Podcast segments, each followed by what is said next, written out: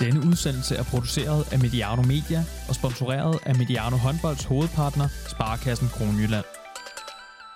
Velkommen til Mediano Håndbold og vores temaserie om børne- og ungdomshåndbold. I vores udgave af BRU-afdelingen ser vi på talentudvikling, børnehåndbold, fastholdelse og motivation. Vi vil blive klogere på alt fra trille trolde over kortbane og til ungdomslandsholdene. Og det sker sammen med vores partner Sparkassen Kronjylland. I ungdomshåndbolden spiller de mange efterskoler med håndbold en stor rolle. Det er for mange et fantastisk år med venner, skole, håndbold og oplevelser for livet. En af de største og mest kendte efterskoler ligger på Sydøstfyn. Her hvor håndbolden siden 80'erne har været synonym med GOG, og hvor efterskolen ligger her i Ore. Carsten Lange Jensen, velkommen til Mediano Håndbold. Tak skal du have. Tak fordi vi måtte komme på besøg her i godt vejr på Sydøstfyn. Det er det altid, er det ikke det? Det må vi sige. Du har jo flere forskellige kasketter på, ikke lige nu, der har du øh, hovedtelefoner på, men øh, du har en god rolle med, med håndbolden her på Ore, og dem skal vi høre om i dag. Her på Ore er du håndboldkoordinator og underviser i håndbold på efterskolen og gymnasiet. Du har været her siden 2008, har jeg kunnet læse mig til. Det er korrekt. Og alt det her, det skal vi høre om, men jeg kan godt tænke mig lige at starte med noget helt aktuelt. Covid-19, en masse unge mennesker, forsamlingsforbud, sport, haller, bo sammen, sove sammen. Hvordan takler I egentlig det her på ord? Jeg synes faktisk på ord, der takler vi det rigtig, rigtig fint. Og øh, ja, faktisk øh, lige indtil i dag, øh, der har vi faktisk været øh, fuldstændig på skåne. Så du, du rammer faktisk lige dagen, hvor det er, at vi i hvert fald lige på vores øh, gymnasie har været nødt til at sende en, en, en klasse hjem. Men øh, på vores efterskole, som jo tæller øh, 650 elever, der synes jeg faktisk, at vi har håndteret det rigtig, rigtig fint og håndterer det rigtig fint. Øh, man skal huske på, at unge mennesker, det er unge mennesker, og der er jo noget, som gør, når de er sammen, men øh, jeg synes, vi igennem dagligdagen får, får hvad det hedder, øh, lavet nogle strukturer, som gør, at, øh, at øh, vi godt kan se os selv i øjnene i forhold til den måde, vi håndterer covid-19 på. Og vi skal jo tale lidt om det, hvad det man kunne kalde hele sådan efterskole øh, oplevelsen eller øh, følelsen. Er, er der noget der, der er blevet, blevet vanskeligere, hvis du ser med det fra de unges øjne, som kommer til jer? Ja, det er da helt sikkert. Det er jo klart, at øh, den måde, at, øh, at vores efterskoleelever de bor på, de bor typisk sammen i det, man kan sige, familier i huse af et sted mellem 12 og 16. Det er jo det sted, hvor man kan sige, det er deres nære familie, og det vil sige, det er dem, man må kramme med og være øh, tæt på. Så snart de træder ud af det hus, jamen, altså, så skal de jo ligesom, når du og jeg mødes, sørge for at holde afstand øh, i alle hans scener. Øh, og det sætter jo selvfølgelig en begrænsning i forhold til det, som man ellers er vant til her, i forhold til at kan besøge hinanden i, i husene og have det fællesskab øh, på tværs. Det kan man ikke her. Altså her, der må man jo så helt konkret, man må ikke besøge hinanden i, i øh, husene, men man må gerne være sammen øh, uden for sit eget hus, men det er stadigvæk med de retningslinjer, der nu er engang, det her med at, at holde den, den gode afstand. Er du så gået mere fra at være lærer og træner til at skulle rende rundt og være politimand? øh, nej, det vil, jeg, det vil jeg faktisk ikke øh, sige ja. Øh, det, er jo, det er jo klart, at vi prøver jo at, vi prøver at holde meget fast i den form for pædagogik, som vi øh, udøver her på skolerne i Jorden, altså den her meget dialogbaseret øh, øh, pædagogik, og det vil sige, at det vi faktisk slet ikke ønsker at være her, vi ønsker faktisk ikke at være politibetjente. Vi ønsker en god dialog med de, med de unge omkring, hvordan de indtaget skal håndtere det her. Og så er man selvfølgelig også nødt til at have en forståelse for, at de er unge, og derfor så vil det jo være nogle gange, hvor de kommer lidt for tæt. Men det snakker vi med dem om, og det synes vi faktisk at virker ret godt, øh, når vi tænker, at vi trods alt er så mange. Hvis vi bare lige tænker, øh, øh, tænker lidt på håndbold her, altså man bor i et hus med en, en familie. Er det, er det, bor man kun sammen med håndboldfolk der? Nej, det gør man faktisk ikke. Øh, altså man kan sige, at vores øh, store efterskole, man kan sige sådan, den er faktisk bygget op i fire til fem mindre efterskoler. Så det betyder faktisk sådan helt konkret, at hvis man tager nogle øh, håndbolddrenge, de bor typisk sammen med øh, øh, dansepiger og fodboldpiger. Og så kan det være noget andet med øh, fodboldpiger, der bor, eller håndboldpiger, der bor sammen med fodbolddrenge og noget teater og musik.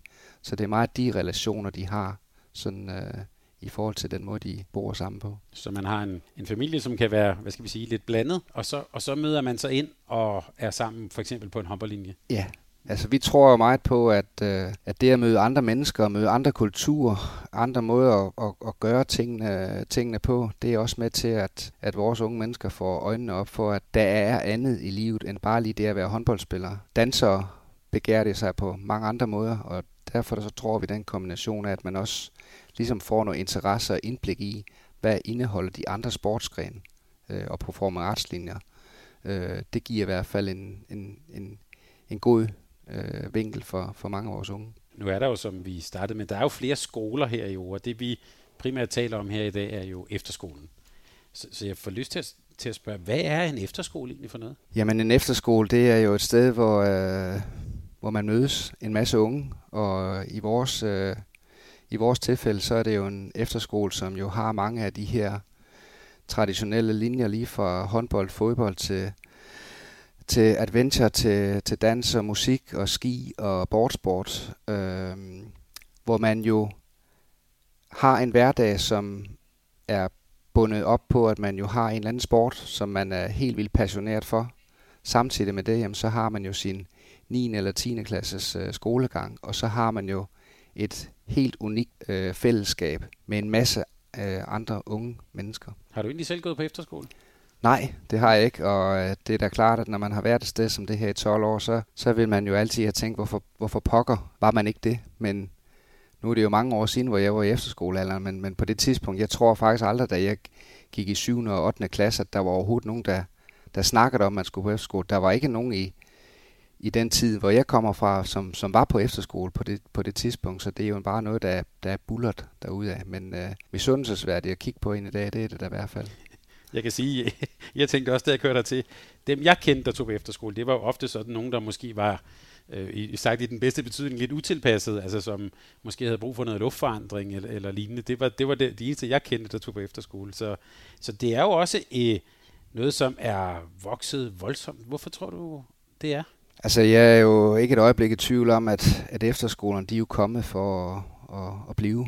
Øh, jeg tror, det giver unge mennesker noget helt unikt øh, og kan være sammen på, øh, på den måde. Øh, så øh, ja, det, jeg, jeg, jeg tror, at det er hele det her miljø, der bliver, der bliver skabt omkring det at være øh, sammen med, med jævnaldrende i så, i, så, i så stor en mangfoldighed, som gør, at, øh, at øh, en stor del af alle dem, der har været på efterskole, de vil jo se tilbage på, uanset hvilken efterskole de har været på, så tror jeg, de vil se tilbage som noget, at det var noget helt specielt øh, at være på efterskole. Ved I egentlig, hvorfor man vælger at komme til jer her? Altså, findes der sådan undersøgelser på det, eller indtryk?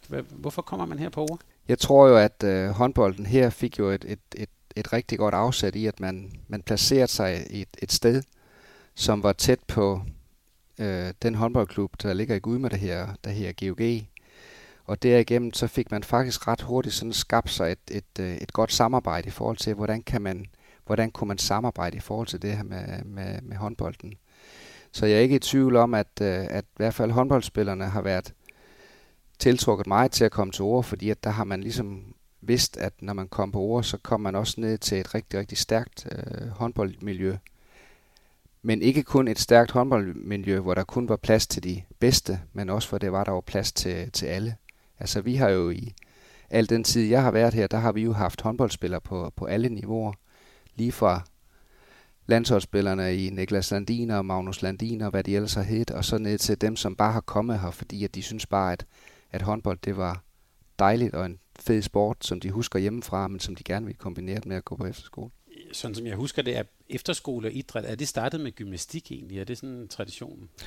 Ja, det tror jeg egentlig nok, at, at, sådan var, var, var historikken sådan uh, helt fra, fra, fra bunden af. Uh, og så er der jo mange af de andre der, øh, sportsgrene, der sådan er, er kommet til. Så jeg kan huske, at det jeg hørte om det i min unge alder, når det var, man skulle på efterskole, så var det jo sådan meget gymnastikbaseret uh, i forhold til det der med at tage på efterskolen. Så det her med at at kunne tænke alle de her andre øh, linjer øh, ind i efterskolen, det er jo noget, der sådan gradvist er, er poppet op rigtig, rigtig mange steder. Og hvordan er historien her på Ora? Startede det også med gymnastik? Øh, nej, der har aldrig øh, her på Ora været øh, gymnastik. Så vidt jeg lige er sådan øh, orienteret, altså der, der var det meget omkring øh, de her linjer, men øh, der har der også været linjer her, som ikke er, er her mere. Altså der har været øh, tennislinje, der har været øh, basketlinje, blandt, faktisk en rigtig, rigtig stærk basketlinje tilbage i, øh, i, øh, i, de, i de første år, der var, øh, der var her. Men det har meget været det her med øh, performing arts-linjerne, altså øh, dans og, øh,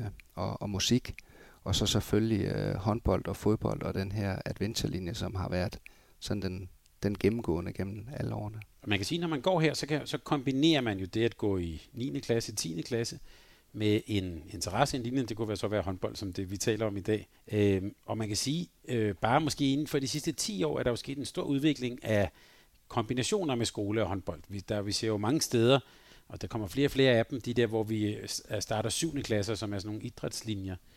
Hvad, hvorfor egentlig kombinere skole og håndbold?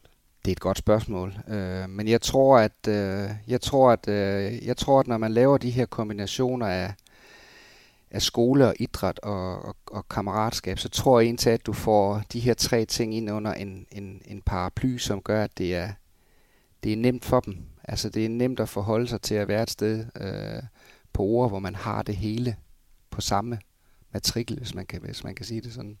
Så det tror jeg er et, et rigtig godt bud på det. Men vi har, ja, grund til, at jeg også spørger det, at vi har jo her på Mediano Håndbold talt med forskellige folk, også øh, øh, psykologer og folk, der arbejder med det mentale om det her begreb, man kunne kalde sådan en monoidentitet. Mm. Altså at der er nogen, her har det specielt været i forbindelse med sådan en særlig talent, og det her med, at man, hvis man kun er sit håndboldspil, for eksempel, øh, det kan måske godt være lidt, vise sig at være lidt en bagdel, fordi hvis jeg så brænder nogle skud, så er det ligesom hele min identitet, der er bundet op i det her. Mm. Nogen vil måske sige, at det var en fordel at have skolen, som er ligesom en, en, øh, en arena, jeg er i, og så har jeg min sport, som er en anden arena. Her blander I det lidt sammen, eller hvad? Jamen det, øh, det, det gør vi jo, fordi at en del af vores værdigrundlag, det er også, at vi vil, vi vil gerne øh, danne ansvarlige verdensborgere.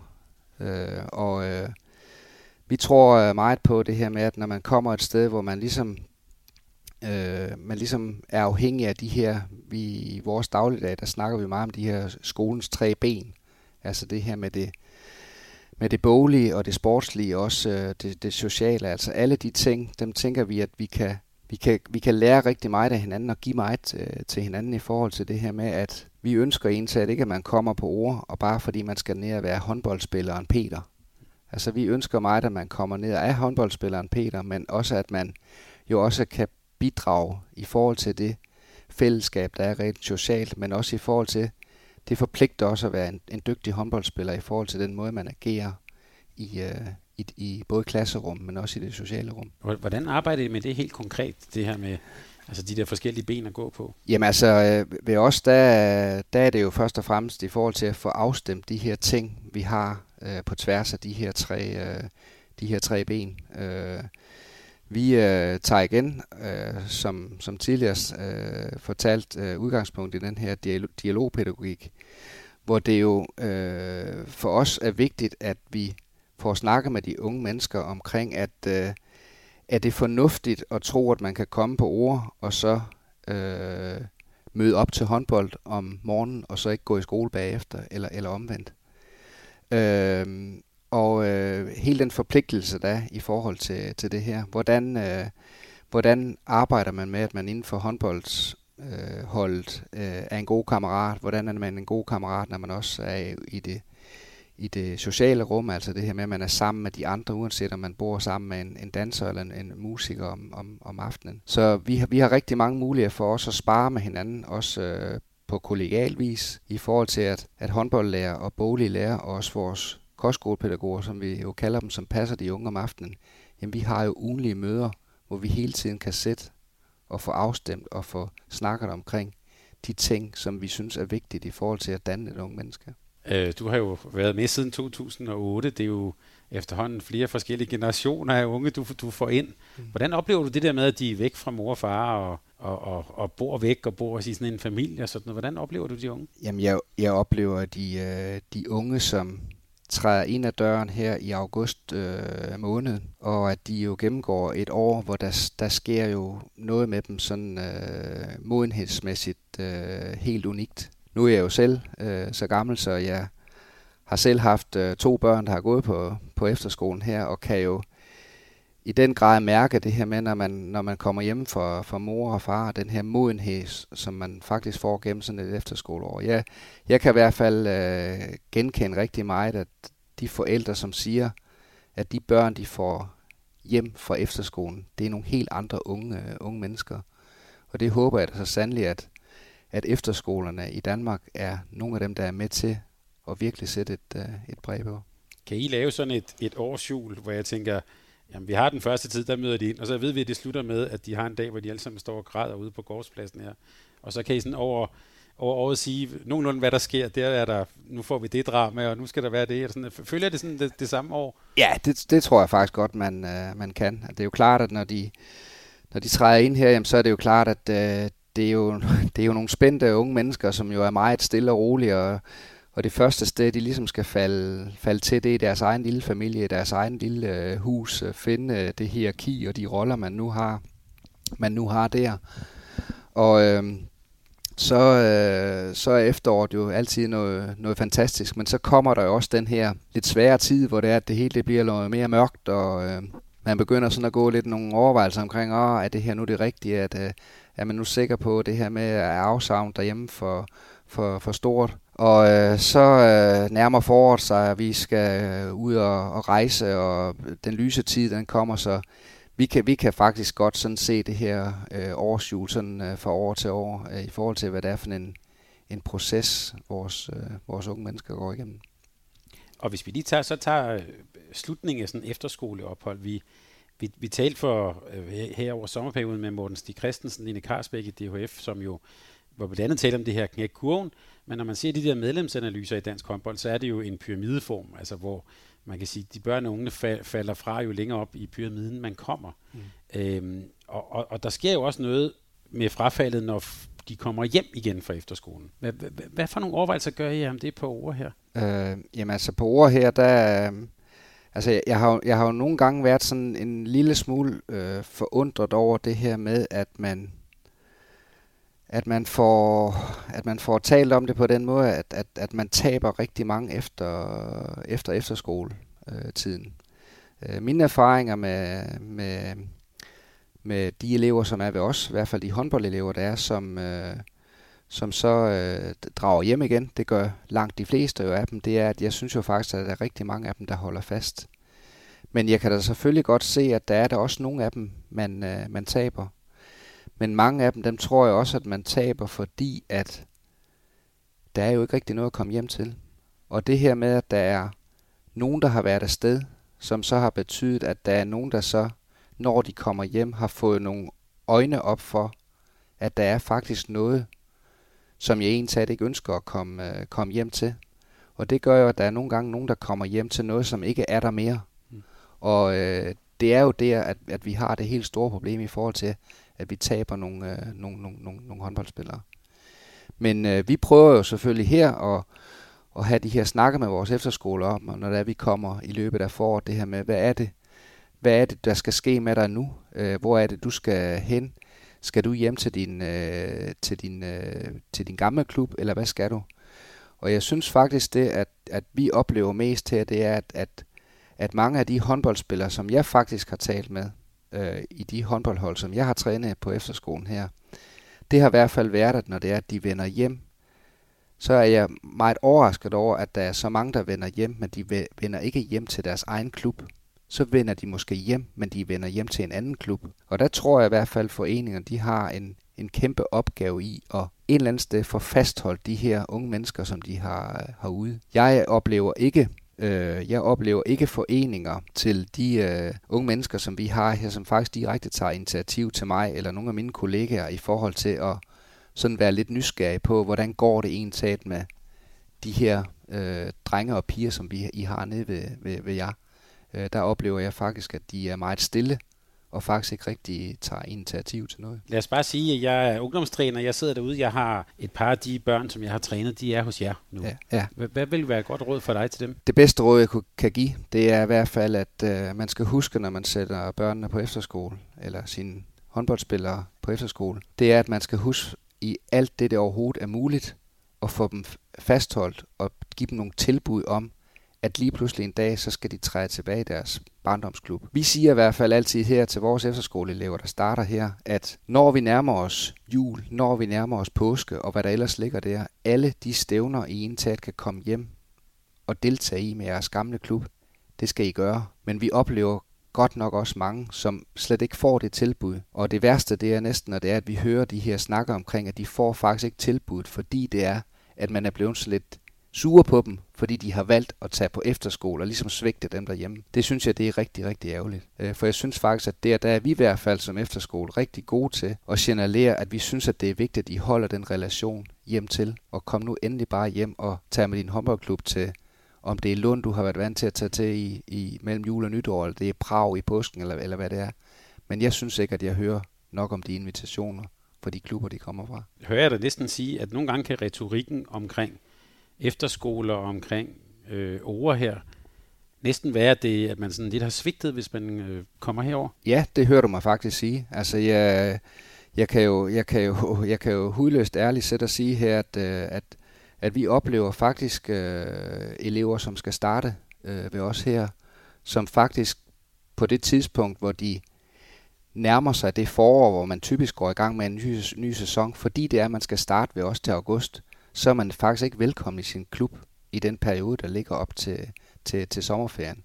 Altså, hvis man forestiller sig det her med, at, at øh, i den gamle årgangsmodel, øh, at man jo typisk omkring marts-april måned stoppe som første års uge 16, og så skulle man på ord som anden års uge 16. Når man så igen starter op i sin klub derhjemme omkring 1. maj, der starter ligesom den nye sæson, der har jeg godt nok oplevet mange, der simpelthen har fået at vide, I er simpelthen ikke velkommen, fordi nu har I valgt at tage på efterskole. Og det synes jeg er rigtig ærgerligt, og jeg synes, det er, det er forfærdeligt, når man hører de her historier, hvor jeg tænker, hvad er det, der så skal gøre, at den her håndbolddreng eller håndboldpige tænker, nu skal jeg hjem til min, til min klub igen. Det er forfærdeligt. Jeg tænker, jeg har også tænkt på, øh, også da jeg kørte hertil, måske er det også det lidt problem, at øh, måske er efterskolerne lidt for dygtige. Forstået på den måde, at, øh, at det måske for mange børne- og ungdomsspillere, det bliver jo næsten et højdepunkt i deres håndboldkarriere. Altså det er så godt, så sjovt, så intensivt, at det bliver måske svært at komme efter det? Ja, det, det er jo klart, og det, det, det siger jo så næsten, næsten sig selv. Altså, der er rigtig mange gode foreningsklubber i Danmark, som gør et fantastisk godt øh, stykke arbejde. Men det, som efterskolerne de har muligheden for, det er jo at, at lave et fuldstændig skræddersyet produkt, til den her håndboldpige eller håndbolddreng, som, som træder ind ad døren. Lige fra fysisk træning til den måde, man træner håndbold på, og også mængden af det. Øh, jeg tror langt de fleste efterskoler i dag, de tilbyder jo sådan, måske sådan et cirkatal på fem gange håndboldtræninger om ugen. En kombination af det at træne fysisk og træne håndbold. Og det kan man jo ikke ret godt i en, i en forening. Altså så er det jo typisk noget med, at den fysiske træning ligger op af, af, af håndboldtræningen. Og det giver jo nogle, øh, det giver jo selvfølgelig nogle, nogle udfordringer. Så man har jo selvfølgelig som efterskolen en, en helt unik mulighed for og, og kan skabe noget, noget rigtig godt, og også et rigtig godt træningsmiljø, hvor man er, hvor man er rigtig mange unge mennesker samlet omkring og, og, og kan udvikle sig. Efterskolerne var jo også en del af den, i hvert fald af den debat, der var, da der blev diskuteret, om man skulle lave, øh, gå for lige til skæve overgange, øh, altså, som jo handlede også om fastholdelse. Mm. Hvad tænker du om det? Først og fremmest så, så tænker jeg jo det om det, at jeg, jeg jo oplevede den proces lidt fra, fra sidelinjen. Altså da jeg første gang øh, øh, hørte om det, øh, så var det jo sådan noget med, at øh, nu var der en gruppe af fagpersoner, der havde siddet og skulle drøfte det her omkring, hvad, hvad er de gode ting, og hvad er de, øh, hvad, er de, øh, hvad er de ikke så gode ting i forhold til med at lave den her øh, overgangsændring. Og i forhold til den research, jeg i hvert fald øh, gjorde i det, og de muligheder, jeg havde, det var, at jeg var jo en lille smule for, forundret over, at efterskolen, de var i hvert fald ikke inviteret ind i den debat. Og det synes jeg, det var rigtig, rigtig ærgerligt. Fordi at når man kigger på, hvor mange der er på efterskole, og efterskolerne kun går en vej i forhold til, at der er flere og flere, der tager på efterskole, så synes jeg, det var meget forkert, at man ikke inddrog efterskolerne i forhold til den proces, der, der, var, den, øh, der var dengang. Hvorvidt om den overgangsændring, man lavede, at øh, det var det rigtige at gøre i forhold til at stoppe kurven,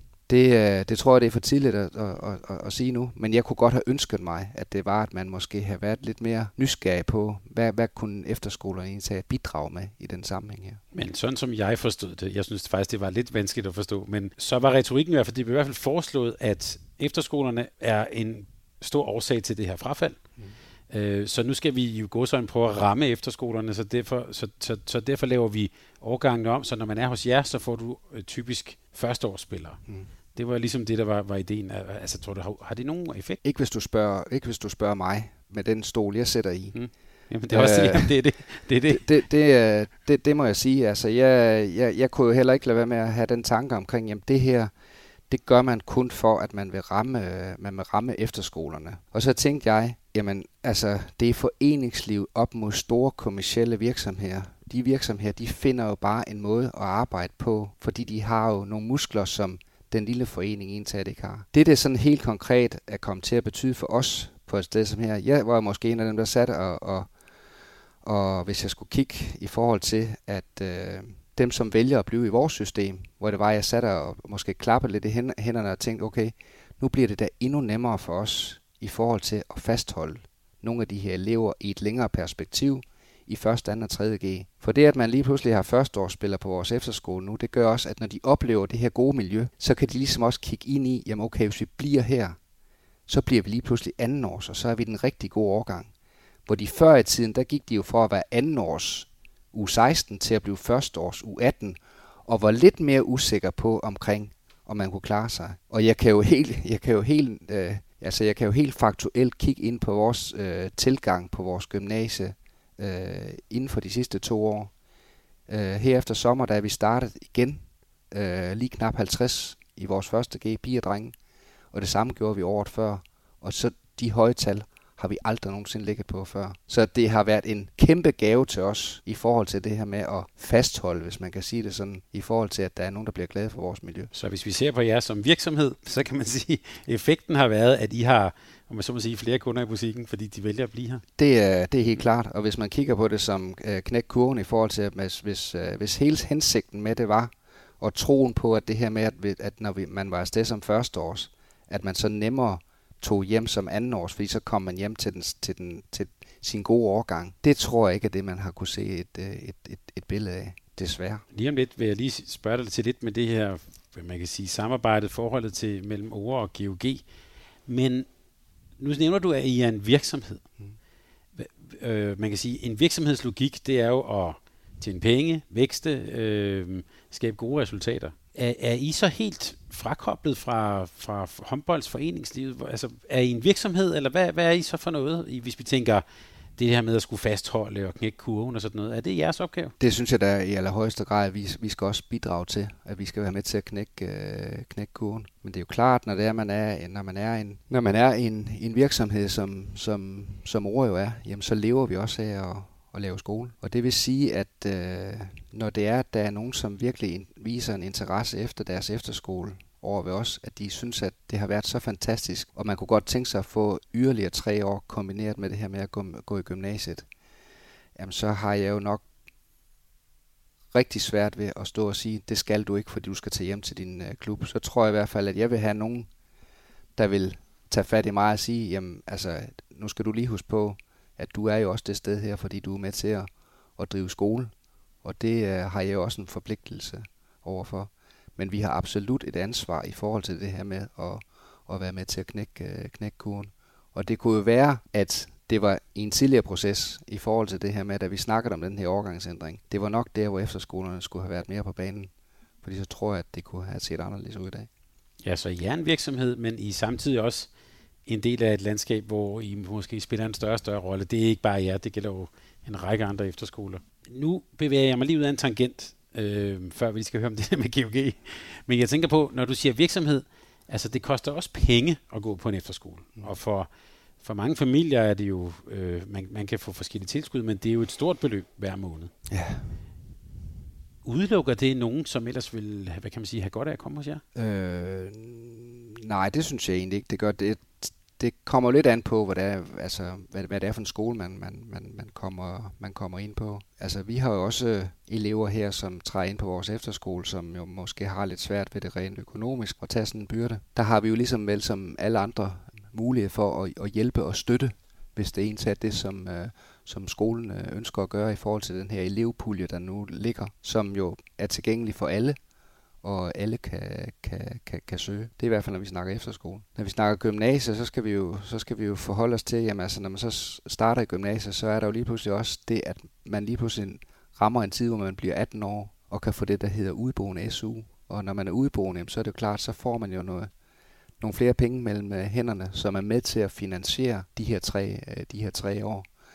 Og jeg tror i hvert fald, at det er det, der har gjort det nemmere for os, at når man kigger på den måde og gør regnstykket op på bundlinjen, i forhold til at man har sin udboende SU'er, kan, som kan bidrage øh, til i hvert fald en stor del af den økonomiske udgift, der er her øh, måned for måned, holdt op med, når du skal hjem til mor og far, så koster det også noget at bo derhjemme frem og tilbage til håndbold, kontingent i håndboldklubben og hvad det nu, nu kan være. Der er ikke nogen her, der bliver udelukket mere ved os, end der er andre steder, men det er da klart at gå på efterskole i dag, det er da en, en udgift. Men der er jo nogen, der taler om, at håndbold, det kommer til at lyde, i de her tider skal man jo passe på, hvad man siger, men at der er nogen, der taler om, at håndbold er ved at blive sådan lidt en hvid middelklassesport. Mm. Øh, og jeg tænker, det er jo, er, er det også den type elever, I får ind her? Det er dyrt at gå på efterskole, og det vil sige, at det er jo ikke for, øh, for alle. Men øh, jeg synes jo, når, når, når, når vi kigger på dem, som entaget kommer på, på ord, så er det jo alle, der, der et eller andet sted gør sig gør sit forarbejde i forhold til, at man skal, man skal være klar til, når man har en dreng eller en pige, som nærmer sig efterskoletiden, at, øh, at så, kan man også, øh, så kan man også klare det. Øh, så øh, jeg har ikke et billede af, at, at øh, de elever, vi har på, på ord, det er nogen, der, er ressource, der har flere ressourcer end, end, end så mange andre, andre steder overhovedet. Ikke. Og nu skal vi tale om det her med GOG, og du skal lige hjælpe mig lidt her, Carsten, fordi for nogle er det måske indlysende, og jeg er med på, at der er en geografisk nærhed mellem Ore og Sydøstfynshallen. Øh, og du er også du er talentansvarlig her i på Ore. Er du også talentansvarlig i GOG? Ja, eller jeg, jeg er koordinator på det der her ord, og så er det jo fordi, at der, jeg har jo, jeg er jo, øh, jeg har jo den fuldstændige øh, GOG's DNA. Jeg er vokset op der og er i sin tid blevet peget ud af Paul Syberg til, at nu skulle jeg prøve at være, nu skulle jeg prøve at være håndboldtræner. Øh, og det er jo, øh, det er jo også øh, klart, at jeg jo også i den sammenhæng er, er et kæmpe, kæmpe stort øh, øh, foreningsmenneske. Så når jeg også skal nogle gange øh, kigge ind på, at når vi har vores egen lokale spillere op i GOG, som lige pludselig skal tage på efterskole, jamen så har vi jo lige så mange deroppe fra, som tager på, på, på efterskole. Og vi har også overgang, hvor det er, at vi har 18, der skal på efterskole. Så kan det godt være, at de 8 af dem, de vælger at tage på ord, og de 10 andre tager øh, på, på, på andre efterskoler.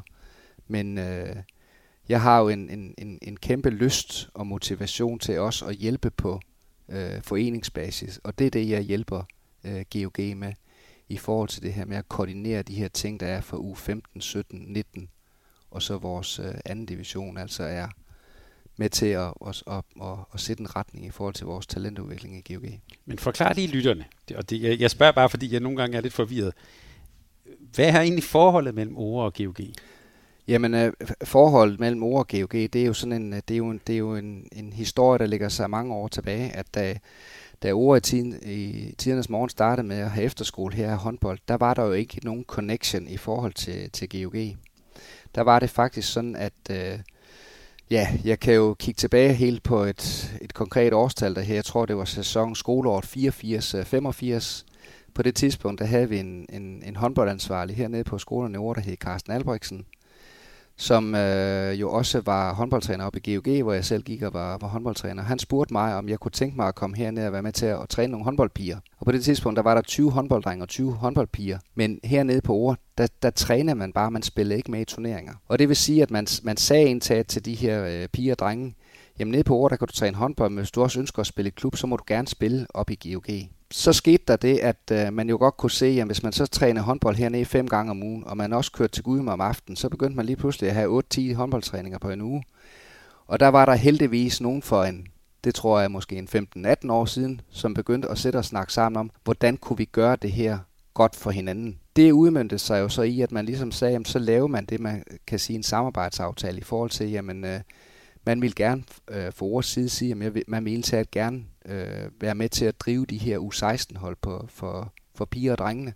Sådan det var, at man kunne, man kunne i hvert fald sørge for, at, at det hele det gav mening, sådan det var, at man ikke bare både træne her og træne op i, øh, i, øh, i, i Gudme. Og det der, har, det, der er hele succesen i det der, for både for, for ord og, og, og, og GOG, det er, at lige siden den dag, man valgte at gøre det her, så øh, er jeg helt sikker på, at, øh, at begge parter, både dem, der har ansvaret for skolen her, men også dem, der har ansvaret op, op i GOG, at, at grunden til, at det her det er blevet så stærkt et samarbejde, det er, at begge parter er helt bevidste om, at sammen, der er vi helt unikke stærke, men hver for sig, der vil vi aldrig nogensinde kunne opnå det, vi har nået. Så det vil sige, nu er det jo så U17, både på drenge- og pigesiden. Hvordan er, forklar mig lige, hvis man er træner for U17-holdet, så er man også på ORA. Hvordan fungerer det i praksis? Ja, altså nu, nu kan man jo sige, at der var der var tiden før overgangsændring, og så er der tiden efter.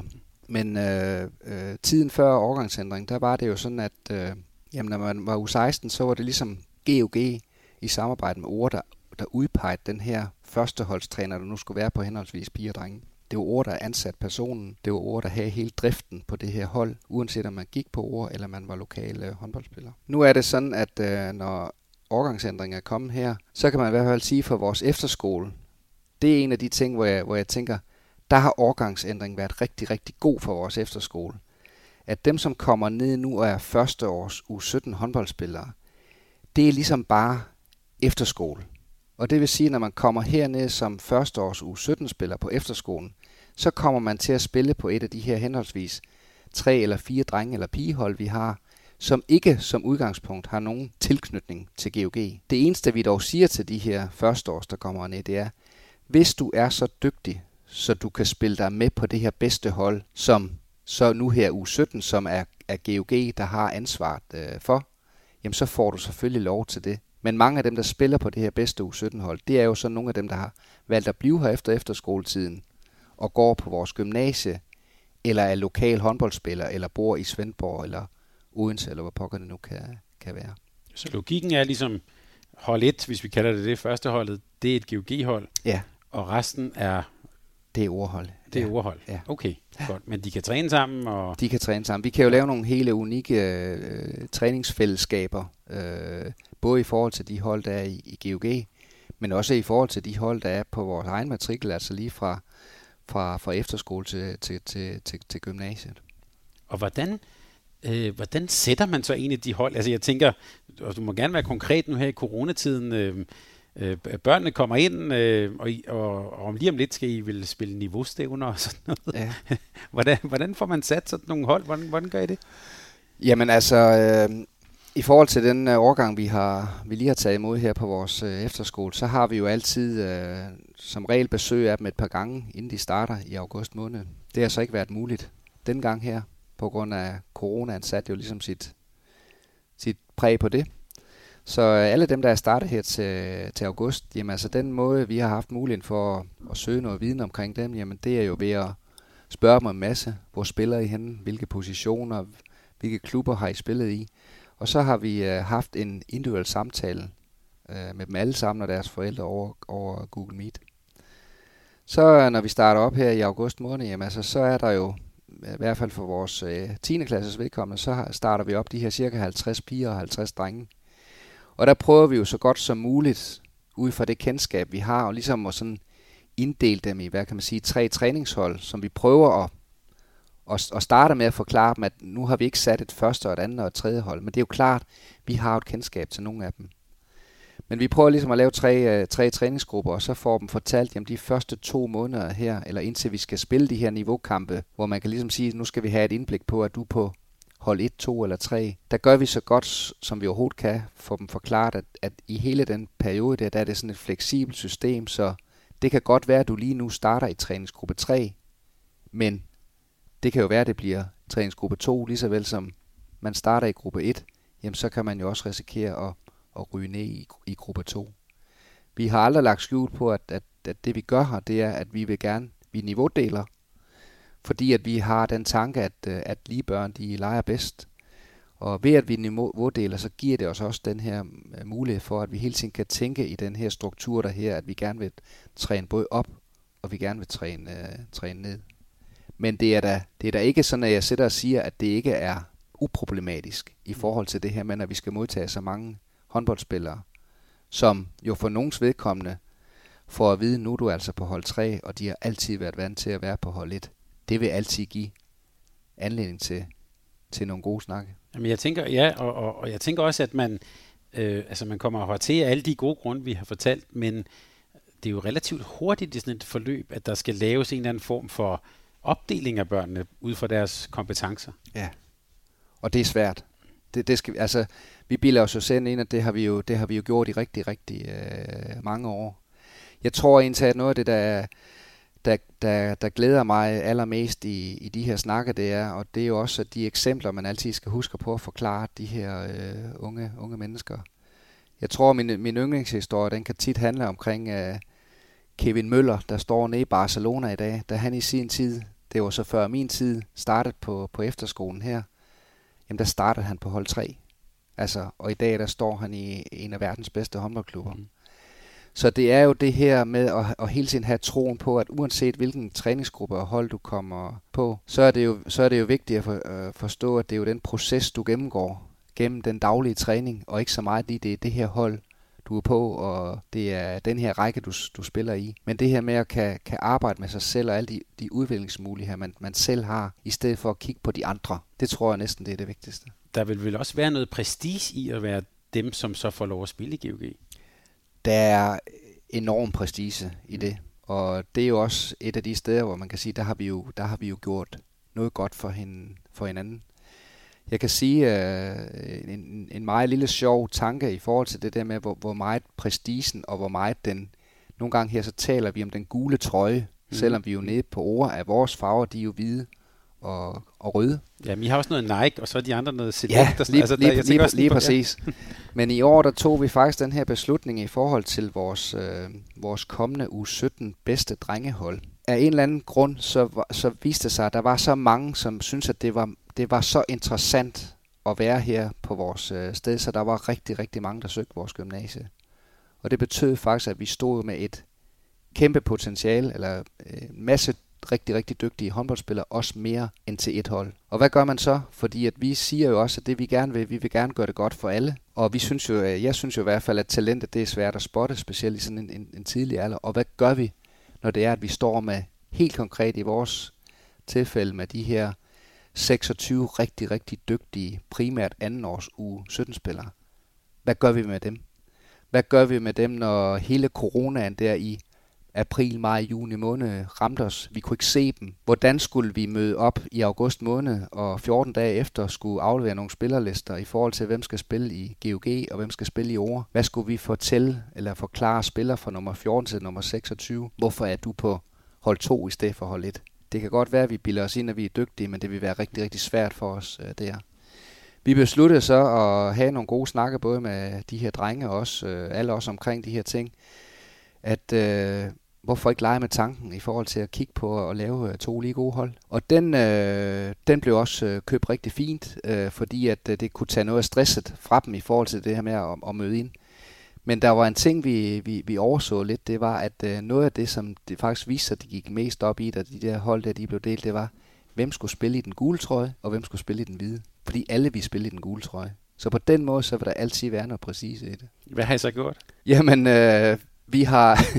vi har, jo, vi har jo taget den beslutning, at det ene hold, det, det spiller jo den gule trøje, for det ene, det spiller jo på GOG's licens, hmm. og det andet, det spiller på, på OR Elites øh, licens. Men da vi her for 14 dage siden var oppe og spille nogle, nogle træningskampe over, op i Fredericia, der besluttede holdlægerne omkring de her to hold, jamen altså, når det var så vigtigt for dem, jamen så spillede begge, to, begge de to hold, de spillede bare i nogle gule trøjer øh, deroppe.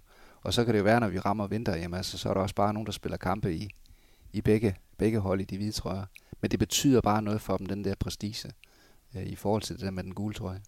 Men er det, hvis du kigger på det som, øh, som leder her, er, er det noget, øh, altså er det godt, er det positivt? Er, skal det være Altså, der er den der konkurrence i det, eller må, må det godt være sådan? Hvis jeg skal prøve at drage en parallel til det, vi prøver at gøre her, så er jeg faktisk, øh, selvom jeg jo ikke har sønderligt meget øh, forstand på, øh, på fodbold sådan generelt, så øh, gik jeg også her i på et tidspunkt i coronatiden og, og lyttede til den her podcast, der var op for, for Nordsjælland fodbold på det tidspunkt, hvor det var, at de faktisk lige var blevet kort til verdens bedste talentudviklingsklub. Øh, og det var faktisk en af vores øh, forældre her, Anders Bay, der har to tvillinger, der går hernede ved os, som, som sendte mig den her og sagde, prøv lige at lytte lidt til den her, for jeg synes faktisk, der er rigtig, rigtig mange ligheder mellem noget af det, I gør, og så det, det de gør øh, deroppe.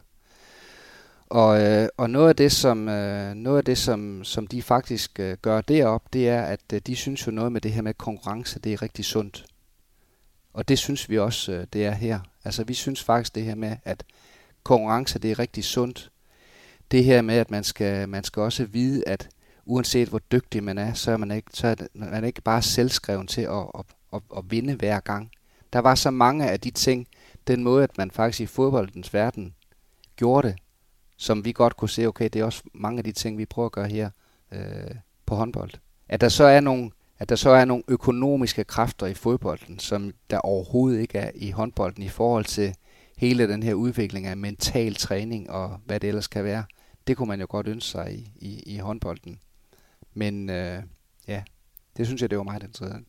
Den podcast kan vi anbefale at lægge et link ud til her. Den, jeg synes også, den, det kan jeg skrive under på. Den var god. Ja. Skal du så have dem med de gule trøjer i år? Øh, nej, ja, det skal jeg, men øh, det er jo fordi, at, øh, at jeg jo ikke, jeg har jo ikke de her, øh, når man er på ord, så er det jo, så er det i hvert fald sådan for, for mig, at jeg synes jo, jeg, jeg har jo prøvet alt det, der skal prøves i forhold til at træne, øh, træne ungdomshåndbold. Så jeg har i hvert fald, sidste år der tog jeg sådan et år, hvor jeg trak mig meget tilbage og hjalp sådan primært omkring nogle 9. klasser øh, hernede, nogle U15 øh, håndbolddrenge. Og til den kommende sæson, der, der har jeg faktisk uh, medansvaret omkring vores U19-drenge, som jo er GOG på det bedste hold. Mm og de spiller i gul, så jeg skal have dem, der spiller i de gule trøjer, ja. Jamen det jeg bare tænkte på, det var, at jeg skulle sige, at du var U17-træneren der i de gule trøjer, og vi nu tager ham med Kevin Møller-typen, mm. som starter på et hold 3 i den gruppe, mm. og så kan I så se omkring jul, okay, han har godt nok øh, han har rykket sig. Mm. Hvad gør I så? Jamen, øh, hvis, hvis, det er på, hvis det er på efterskolen, ja. jamen så, så, så bytter vi. Mm. Altså, og det kan man jo så sige, på efterskolen, der er det jo så, der er det jo så øh, der er det jo så blevet noget nemmere for os, fordi når vi kigger på efterskole nu, hvor de alle sammen er første års, der står vi jo ikke i den problematik, hvor man kan sådan sige, at vi måske skal have to hold, der skal være med i den bedste række. Så vores bedste efterskolehold, de vil jo forhåbentlig, nu er der jo ikke lagt puljer ud nu, men vi håber, at vores bedste efterskolehold, de kan komme til at spille i det der her U17 drenge A, mm. og vores anden hold kan spille i U17 drenge B, og så kan vores tredje hold spille i den lokale øh, anden division. Det vil sige, at de spiller alle sammen på samme licens på vores efterskole. Hvorimod over på gymnasiet, jamen der er der jo nogen, der spiller på, hvad det hedder, øh, GOX licens, og nogen, der spiller på Ore Elites licens. I efterskoleverdenen, der hører man jo tit det her med, at, at det er jo et år, det handler om udvikling, personlig udvikling og sådan. Mm. Men når nu vi taler om, lad os bare sige, bruge det billede, den gule trøje, kommer der også et resultatperspektiv på der? Nej, det gør der ikke. Altså, øh, plejer gerne, og jeg forsøger i hvert fald at lægge rigtig meget øh, vægt på, at, at de øh, håndboldlærer, som vi får tilknyttet ned på, på skolen her, at øh, jeg vil være rigtig, rigtig ked af, at det er, at øh, de skal ikke bruge ord på at gøre trænerkarriere. Det aller, aller vigtigste for os, det er at lave god efterskole. Og hvis, hvis, øh, hvis jeg skal kigge på, hvad, hvad jeg måler dem på som ansvarlig for, for håndbolden, så er det ikke det her med, om de kommer til at stå i et Final Four, eller de vinder en guld, sølv eller en bronzemedalje. Men det er hele det her omkring det her med, hvordan, hvordan skaber man, man et hold. Har vi gode øh, og tilfredse elever og tilfredse kunder i vores butik? Det er vores fornemmeste opgave i forhold til at drive, øh, drive efterskole. Så der er aldrig nogensinde et, et, resultatperspektiv ind, ind, i, ind, ind, i, ind i det. Men jeg erkender også, at der er mange, der kommer herned og selvom vi prøver at, at tage den på forkant, jamen altså, så, så er der mange, der stadigvæk føler sig rigtig, rigtig presset af, når man kommer ned og bliver en del af ord og GOG's verden, at man bliver målt rigtig, rigtig meget på de der resultater. Men øh, det vil jeg rigtig gerne have, at det kan blive ændret. Ja, jeg tænker også, at særligt på drengesiden, altså det vel jo helt utænkeligt at forestille sig, at der var et, et DM-slutspil uden et hold fra GOG. Ja, og det skal heller ikke, du hører mig heller ikke sige, at vi ikke vil, vil, vil gerne stå der, og vi gerne vil vinde. Vi vil vinde hver gang, øh, vi, vi, vi, vi står der. Men, øh, hvad kan man sige, vi skal gøre det på den, på den rigtige, øh, rigtige måde. Vi har i hvert fald altid prøvet at, at, at sige det sådan, når vi har snakket på vores, øh, på vores efterskolehold. Det var sådan lidt i den gamle model, at øh, jamen, øh, når vi havde det her bedste efterskolehold med de her andenårs U16-spillere, jamen så var det faktisk den træner, der var ansat. Øh, det, altså, det var faktisk lidt hans egen beslutning, om han ville vælge at have 12 i sin trup, eller han ville have 17 i sin trup. Det, der bare var vigtigt, at det var, at, at man arbejdede ud fra, det var, at hvis man valgte 17 i sin trup, så var det fordi, man synes, at alle 17 de havde en rolle. Og det vil sige, det var ikke de her 4-5, der bare sat over hver gang, eller hver anden gang. Der skulle man sørge for at arbejde med alle 17. Så kan det godt være, at der kom nogle kampe, hvor man kunne sige, okay, nu spiller vi, og vi spiller for at, at, at, at, at vinde. Men det har ligesom været det, der har været vigtigt, at man ligesom har kunne, kunne tage den kasket på og sige, at når du er håndboldtræner her, så er du ikke håndboldtræner i en forening, øh, hvor det er, at du kan tillade dig at, at gøre de ting. Øh, for det er det også det, der nogle gange sker, at når det er, man spiller, jamen altså, så spiller man meget for at vinde, og så er der nogen, der ikke rigtig får lov. Og her der skal man i hvert fald huske igen, at alle er her på lige vilkår, og alle betaler det samme for at være her. Og derfor så er der også en forventning om, at hvis man ellers kan passe sin træning og alt det her, jamen altså, så skal man have samme muligheder som alle andre. Og hvis du lige tager din, kun din GOG-kasket på nu, mm. så kunne jeg tænke mig at spørge, hvad, hvordan ville GOG se ud, hvis Ore slet ikke fandtes? De ville ikke være så stærke, som de er nu. Det er der overhovedet ikke øh, nogen, øh, nogen tvivl om. Øh, vi kan stadigvæk se, at når vi kigger på alt det, der ligger før øh, ordsamarbejdet, så synes vi jo stadigvæk, at når vi kigger op på, selvom det jo ikke er der, jeg ligger det meste af min tid, men når jeg kigger på det, der foregår omkring det der her nu u 11 og, og 13, der kan vi da stadigvæk se, at der kan vi da gøre os rigtig, rigtig godt i forhold til dem, man sammenligner sig med. Ikke lige godt i alle årgange, men vi er stadig rigtig, rigtig godt med. Men der er der ingen tvivl om, at det er at det, at man lige pludselig kan lave det her samarbejde, hvor man lige pludselig ikke kun har de her lokale øh, håndboldspillere, kombineret med nogle af dem, der kommer ud fra, det er jo en kæmpe gevinst for, for, for GOG. Og der er ingen tvivl om, at den konkurs, som, på et eller som i historien ramte øh, GOG på et tidspunkt, der er jo ingen tvivl om, at, at den rolle ord har haft i det, i forhold til at komme tilbage på sporet, og også øh, hele den måde, at man vælger at bruge alle de her unge talenter på, jamen det, er, det har ord der en, en kæmpe rolle i. Det er der ingen tvivl om. Vi havde i sidste uge et, et, øh, en samtale med øh, hvad hedder det, sportsøkonom Rasmus øh, Storm. Ja. Øh, og han, øh, han, de har jo faktisk lavet på IDAN, hvor han er en analyse af, hvor meget de enkelte ligaklubber får ud af deres lønbudget mm. i forhold til resultater. Mm. Og der er der jo nogle klubber, der bonger ud i den ene og den anden, anden retning. GOG bonger ud i den meget positive retning. Ja. Øh, og jeg tænker, at den eneste forklaring på det, det kan jo være, at man i går sådan overpræsterer i forhold til budget, fordi man har den her talentmasse at trække på. Mm. Så hvis man sidder i bestyrelseslokalet i GOG, så er det så er overvældet en, en vigtig strategisk øh, samarbejdspartner. Ja, altså ja... Hvordan, så vil jeg bare spørge, du siger ja. Hvordan, hvordan sørger I så for ord for at udnytte det? Jamen altså, øh, jamen det, det er jo igen i kvæg det samarbejde, vi, vi har. Altså jeg, jeg er helt sikker på, og det ved jeg da også, at, øh, at, at Kasper Jørgensen sender, sætter en, en direktørstol op i, i GOG, og er rigtig, rigtig glad for det, øh, for det samarbejde. Altså når jeg lige nu øh, kommer op og, og ser Liga håndbold op i Gudme, jamen, så kan jeg jo tælle øh, 10 håndboldspillere på det hold, som jeg et eller andet sted har haft en relation til inden for de sidste 4-5 år. Og det er, jo, det er jo en kæmpe fornøjelse. Det er det både for, for stedet her, og det er det også for, for, for, for, for GOG. Det er jo bare, øh, det er jo bare et endnu bevis på, at, at det samarbejde, det er, det, er, det, er helt, det er helt fantastisk, øh, og det, øh, det, giver noget, det giver noget begge veje. Så det er vigtigt for GOG, kan man sige, at, at, at have den der gode fødekanal. Men man hører jo også nogle gange, det, det talte vi om før jeg trykkede på, på optag her, det her med, at I nogle gange bliver skudt lidt i skoene, at I så også er ude og fiskespillere eller hentespillere. spillere. Hvad siger du til det?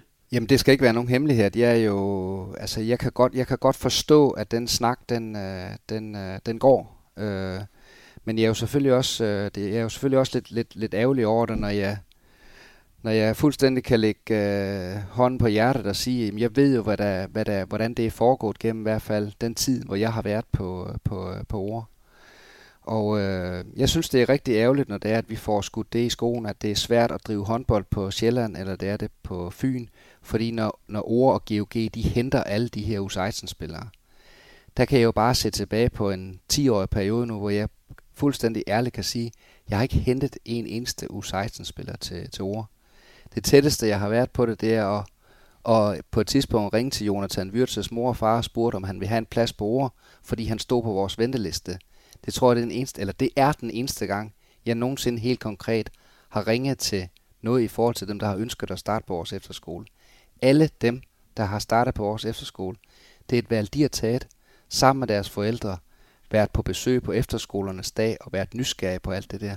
Det synes jeg er rigtig ærgerligt, det er, at vi har skulle have det så meget skudt i skoene, at det er, at de har valgt os lige så vel som... Det er ligesom om, der har været et større fokus på, fordi man har valgt os, frem for hvis man har valgt at gå på Gundslev Holm, eller tage på Vejle, eller pokker det nu kan have været, som også er fantastiske efterskoler.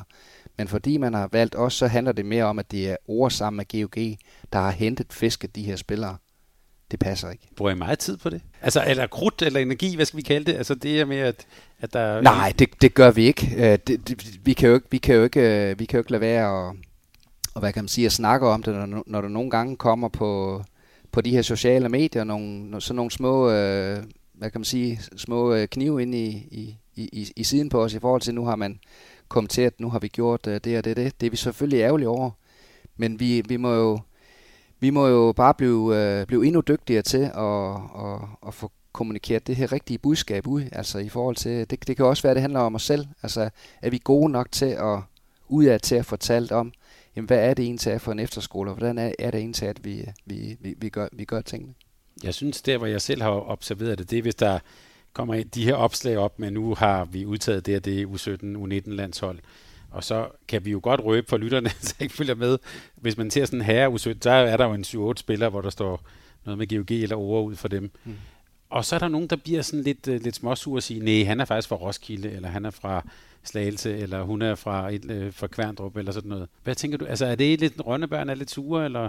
Nej, det kan jeg egentlig godt forstå. Øh, det var også derfor, jeg egentlig godt kunne tænke mig, når det var, at man, når det var, at man begyndte at udtage til de her talenttræninger og så videre, så kan det jo godt være, at man, øh, man for eksempel, øh, jamen det kan være, det kan være som den seneste talentsamling, øh, der har været indkaldt til her 03'erne. Det kan være, så er der lige pludselig udtaget en, en det kan være en Frederik Bay, uh, som, uh, som har haft hele sin håndboldopvækst i, i HK. Nu står der lige pludselig Frederik Bay ord elite. Men der kunne jo så godt have stået et eller andet i parentes HIK eller et eller andet. Mm. Så man faktisk også gav den kredit øh, til de her klubber, de nu kommer, kommer fra. Jeg synes i hvert fald, at jeg prøver at være, og det er faktisk også et, et, et forslag, jeg helt konkret har stillet øh, i forhold til, når man nu laver de her udtalelser, så er det jo, så er det jo fint, at man, man, man, man laver en udtalelse ud fra, hvor spiller de nu, men hvor er det egentlig også, hvad er deres, øh, hvad er deres hvad kan man sige, deres, deres, deres barndomsklub.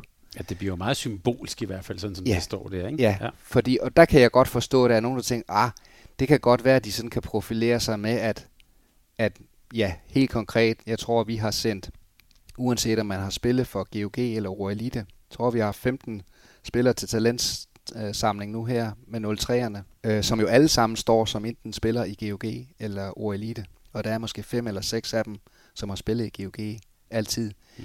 Den kredit, den kunne, jeg godt nok, den kunne jeg godt tænke mig, at man kunne give til alle de her moderklubber eller deres, deres, deres barndomsklubber, for det synes jeg da om noget, de fortjener. Og måske også, jeg lige tænke højt, også GOG. Altså dem, der har været der, det er jo, altså, der er også lidt kredit i, der har faktisk været nogen, der har været dygtige til at udvikle dem, også som U11 og U13. Og... Lige, lige præcis, lige præcis. Men nu vi er ved det, øh, Carsten, så hører jeg jo, at her for nylig talte jeg faktisk med Peter Bredstorff Larsen i BSH, vi talte også om talentudvikling i, det var så i Silkeborg-området. Og han talte om, at han synes, det var lidt ærgerligt. Han kaldte det et stort talenttab, det her med, at øh, her på Sydøstfyn, øh, det kunne også være Skanderborg, altså der, at talenterne måske klumper lidt sammen. Er det godt eller skidt for håndbold Danmark? Det tror jeg, det vil være rigtig, rigtig svært for mig at svare på, fordi jeg er jo, jeg tror jo rigtig, rigtig, rigtig meget på det her med, at, at, at de, de stærke miljøer, de er jo også godt for den talentudvikling, der nu kommer til at ske. Men jeg er, heller ikke, jeg er, jo, jeg er jo heller ikke øh, så meget i tvivl om, at det der sker, når det er, der, der kommer den her centralisering, det er, at jo mere centralisering, jo færre bliver der også at spille imod. Og det er jo også et, øh, det er jo også et, et, øh, et, et, et, et, et kæmpe problem.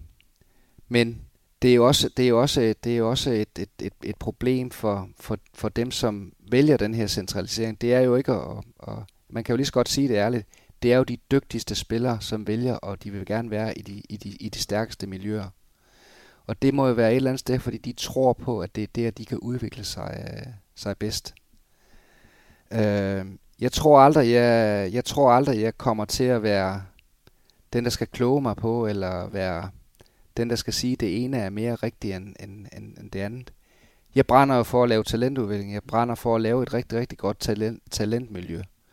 Og øh, det synes jeg, vi kan et sted som, øh, som her, og det kan man også, øh, det kan man også andre steder. Men der er jo ingen tvivl om, at, at, at centralisering den betyder noget for den, for den øvrige del af, af Danmark.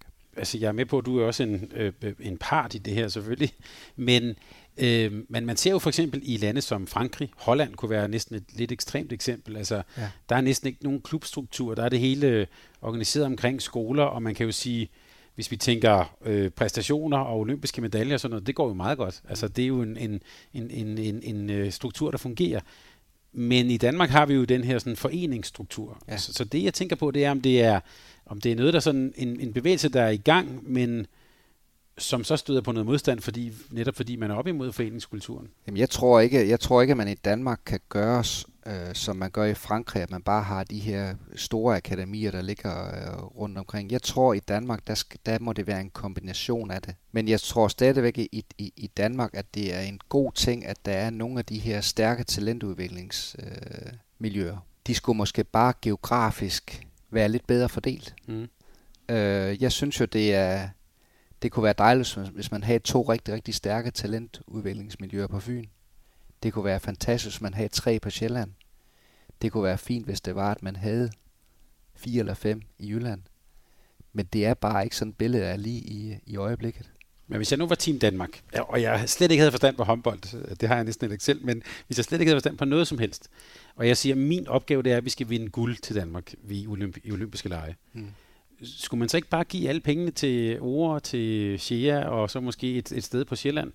Fordi det er jo derfra, at de gode spillere kommer. Øh, det kunne da være dejligt.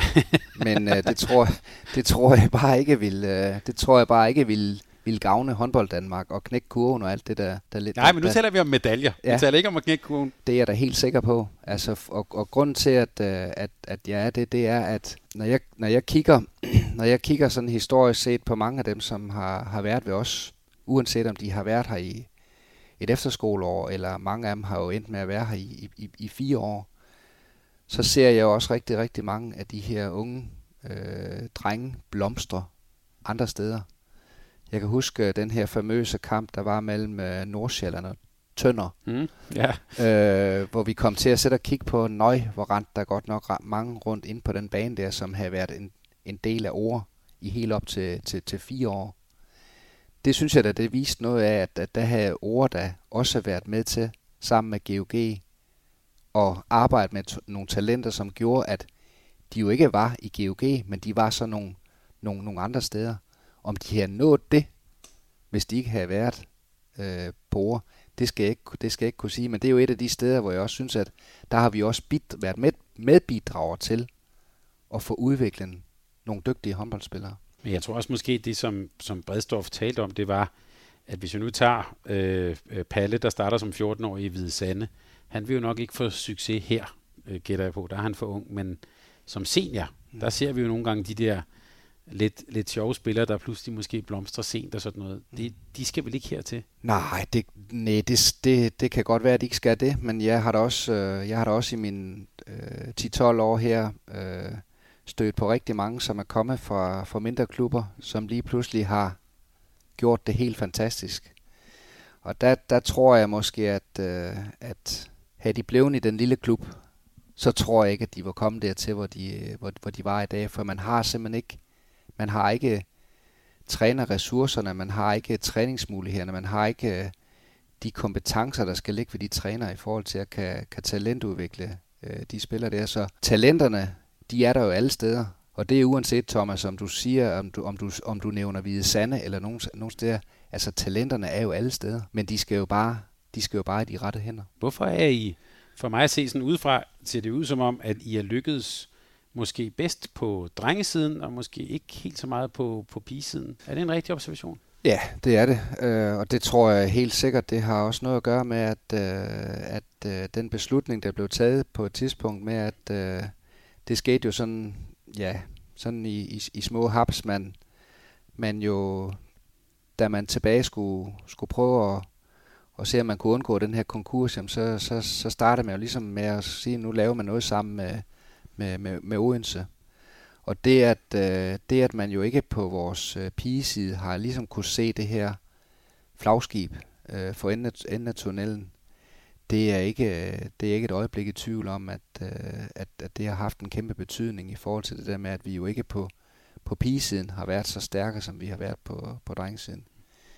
Men vi synes, vi er godt på vej, og vi synes, vi er gang i noget, i noget godt i forhold til med at lave en anden profil på vores, på vores pigehåndbold. At vi tror stadigvæk godt på, at vi kan lave et stærkt talentudviklingsmiljø, selvom vi ikke har et hold i ligaen. Men vi vil da rigtig, rigtig gerne kan fastholde og udvikle det projekt, vi har omkring, at vi har noget, der hedder Gudmes øh, damer i første division. Og så bare til sidst her, Carsten, du har, uden at fornærme dig, været med i mange år. Det har vi også hørt om, og været med i mange sammenhænge. Sådan helt op i helikopteren, hvis vi lige glemmer ord og GOG og så videre. Hvordan ser du egentlig sådan udviklingen af, af der, sådan talentudviklingen i Danmark? Hvor er vi på vej hen? Jeg vil ikke sige, at vi er på vej den, den, den rette vej, men jeg har nu, jeg har nu gode, øh, jeg har noget god ro i maven i forhold til det, der sker øh, i, øh, i øjeblikket. Jeg synes, at der, der sker rigtig mange gode ting øh, rundt omkring. Og jeg er, jeg er glad, og jeg bliver sådan lidt, øh, jeg bliver sådan lidt, øh, også lidt stolt, når jeg sådan hører sådan nogle af de ting, der begynder at, at foregå i, i mange af de andre ligaklubber, som jeg sådan kigger ind i. Jeg er helt sikker på, at øh, uanset om vi snakker øh, Skjern, eller vi snakker BSV, eller pokker vi kan snakke om der, så tror jeg, der er mange, der kigger sådan misundeligt lidt ned på os og tænker, hvordan kan det her egentlig lade sig gøre? Og øh, de ting, jeg, jeg i hvert fald observerer, at der sker nogle af de, i de her store ligaklubber, hvor man begynder at have noget øget fokus på den her talentudvikling. Det kan kun, det kan kun være godt for håndbold Danmark. Øh, og det er godt for konkurrencen. Det er også godt for, for os. Så jeg, jeg ser kun positivt mod fremtiden. Så, så tror du, at der vil, altså det, det tror jeg, du har ret i, der er en del, der vil prøve at kopiere jer, det er jo klart. Øhm, dem, der gør det godt, det, der vil altid komme nogen efter. Men hvis vi ser sådan 5, 7, 10 år frem i tiden, tror du så, at det vil så være sådan, at de store ligaklubber, det kunne være Aalborg, BSH, Skjern, øhm, at de så har et talent setup, der minder om jeres? Det vil jeg da håbe. Ja. Fordi hvis de har det, så er vi også med til at brede det hele, det hele ud. Og øh, jeg synes jo, det er jo det er jo fantastisk at se, hvordan det er, at, at mange af de unge, de indtaget i dag, godt kan begære sig på, på øverste øh, hylde. Det er jo ikke ret mange år siden, hvor vi faktisk øh, havde besøg af, af, af Kasper Jørgensen hernede på, på vores skole, hvor det var, at vi, vi satte og snakkede i, i forhold til, til ledelsen her på stedet, at, øh, at øh, dengang han var lige kommet til GOG, og de var rigtig gode, hvor han spillede sammen med Claus Brun og hvem det ellers var. På det tidspunkt, der spillede faktisk på det, der hed vores anden hold, der spillede en meget ung Mikkel Hansen, som kun var U18 på det tidspunkt, Morten Olsen og Mads Christiansen. Dem kunne de ikke træne med, for de var for dårlige. Altså, det var sådan ligaherrenes syn på de unge. Og det var altså den startopstilling, som vandt OL-guld sidst til Danmark. Så der er sket rigtig, rigtig meget i forhold til det her med, hvor godt de unge egentlig klarer sig i, i, i en ung alder, og det synes jeg, det er fantastisk. Og nu nævnte du Nordsjælland fodbold, så så vi kunne måske godt forestille os, at vi bevæger os i retning af sådan nogle, hvad skal vi kalde det, fodboldtilstand? Ja, det kunne være ønskeligt. Ja. Altså, men, men, øh, men det er jo fordi, at, at jeg jo er, er, er jo meget betaget af det her med, hvad, hvad, hvad, skal det, hvad skal være det næste? Altså fordi, at vi kan jo alle sammen lave god træning og øh, lave en god træningsuge og alt det her, men, men hvad, hvad er det næste, der skal til for at at blive endnu bedre på den her, øh, på den her talentudvikling. Der er jo pengene til forskel. Altså øh, at have de muligheder, som man har i fodboldens verden i forhold til, når en ung spiller bliver solgt, og hvor mange år sådan, der kan falde penge tilbage til at styrke et, et talent op. Det, det kunne da være dejligt, det var sådan i, i, øh, i, i, i håndbolden. Ja, det er jo et drømmescenarie at se også. Hvis man går ind på øh, sådan en fodboldklubs hjemmeside og ser, hvor mange der arbejder med ja. børn- og ungdomsfodbold, det er, jo, det er jo meget voldsomt for, for os håndboldfolk. Øh, men, men jeg tænker også med det med fodbold, der har også været nogen frem, der vil sige, at vi skulle, de har jo det her licenssystem, altså man også skulle have sådan en form for licenssystem i håndbold, altså for at spille måske i en kommende U19-liga, så skal det kun være licensklubber. Mm. Er det ønskeligt? Jeg, jeg kunne godt tænke mig det, mm. altså fordi at det er jo, det er jo noget, som man ikke har prøvet af i Danmark. Altså øh, det her med at hele tiden være, være nysgerrig på, om tingene de kunne foregå på, på, på, på en anden måde. Det jeg aldrig har brudt mig om i den der fodboldverden, det er det her med, at det er, jeg plejer gerne at sige, at det er gamle mænd, som skal sætte og bestemme, hvem ud fra et eller andet system, der er, om man skal have lov til at være i de her rækker. Det bryder mig egentlig ikke sådan grundlæggende så meget om. Jeg kan bedre lide det her med, at, at vi alle sammen kan konkurrere på lige vilkår, uanset om man er en lille forening, eller man er en håndboldklub, der er bundet op med en kommersiel partner, som for eksempel GOG er sammen med, med Ore. Mm. Øh, selvom jeg jo var en af de hold, der, der ikke kunne, kunne hamle op, så synes jeg, det var helt fantastisk her for nogle år siden, hvor det var, et Tostrup som foreningsklub gik ind og vandt U16-rækken til DM som en ren foreningsklub.